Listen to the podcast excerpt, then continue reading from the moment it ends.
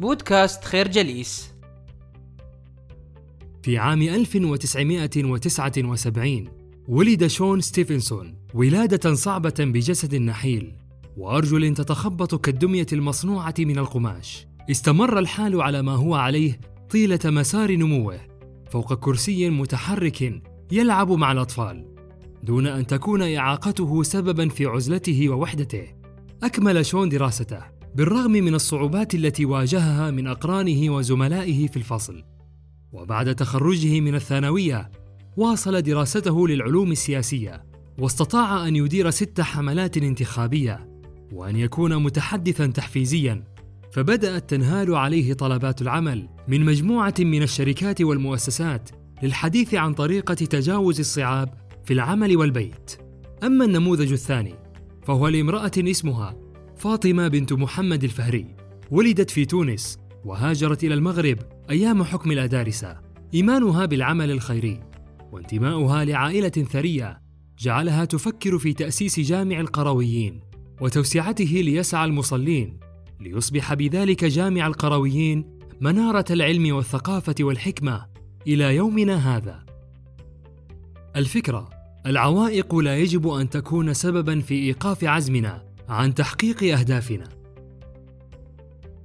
نشأ إدوارد إيفنز فقيرًا، معدومًا من أبسط شروط الإنسانية والعيش الكريم. التحق بعد ذلك بوظيفة مساعد لمدير مكتبة براتب زهيد، مع أنه كان يعيل أسرة مكونة من سبعة أفراد. لم يخضع إدوارد لشروط العيش الذليل، وبدأ في إنشاء عمله الخاص باقتراض 55 دولار. كانت البداية صعبة، وازدادت حجم الأزمة المالية تفاقمًا، وساءت أوضاعه الاقتصادية، وانعكس ذلك على جسده ونفسيته حتى كاد يموت.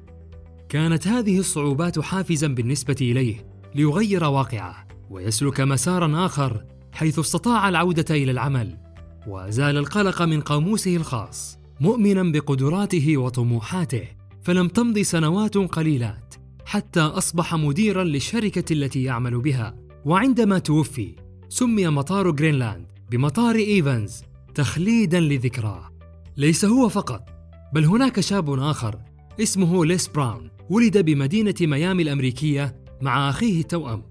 وعندما بلغا السادسة من عمرهما عرضتهما أمهما على عائلة من أجل تبنيهما. كان ليس فاشلا في جميع مواد دراسته حتى اعتبروه مجنونا. هذا الواقع حرك مشاعره وحفز طاقاته. ليصبح مقدما لعروض تلفزيونية لأشهر الشاشات العالمية وقام بعمل خطابات تحفيزية لأكبر الشركات من بينها ماكدونالد وزيروكس. الفكرة السعادة الحقيقية تبنى على طرد القلق والمخاوف والوساوس. كل التحولات التي يشهدها عالم اليوم سببها الحافز. لا يمكن أن نتخيل تغييرا دون أن يكون مبعثه هذه الطاقة الكامنة في كل واحد منا والتي اسمها الحافز. كان أنتوني روبنز طفلا فقيرا عندما تطلق والداه وانفصلا عن بعضهما البعض. كان حلمه أن يمتلك مكتبا فاخرا في إحدى البنايات المطلة على البحر. كان يكره نفسه لدرجة أنه لا يراها في المرآة. أصيب بالاكتئاب وتحولت حياته إلى جحيم نتيجة ورم أصيب به ولم ينفع معه علاج. فقرر الانتحار. أنقذه رجل عجوز في الرامق الأخير من عمره. وبعد أن استيقظ وجد نفسه في مكتبة مليئة بأنواع الكتب. قال له روبنز لقد أنقذتني. فأجابه العجوز لأنه ليس هناك ما يستحق أن نفقد حياتنا من أجله. كانت هذه الكلمات الانطلاقة الفعلية لروبنز ليكتشف عالما آخر من الكتب والقراءات المتنوعة في علم النفس وتنمية الذات فتغيرت نظرته لكل الأشياء وأصبح اسمه لامعا ومن مشاهير ورواد التنمية الذاتية في أمريكا يقيم مجموعة من المحاضرات والندوات كما ألف مجموعة من الكتب التي حققت أعلى المبيعات وعادت عليه بثروة لم يكن يحلم بها من قبل. الفكرة: ليس هناك ما يستحق أن نفقد حياتنا من أجله. كلنا سمعنا عن الإمام البخاري، شيخ المحدثين، وصاحب الكتاب المسمى بصحيح البخاري، ولكن قليل منا من استمع إلى قصته. ولد البخاري سنة 194 هجريا وتوفي والده وهو في سن صغيرة. أصيب البخاري بالعمى في صغره ولم يمنعه ذلك من النبوغ العلمي.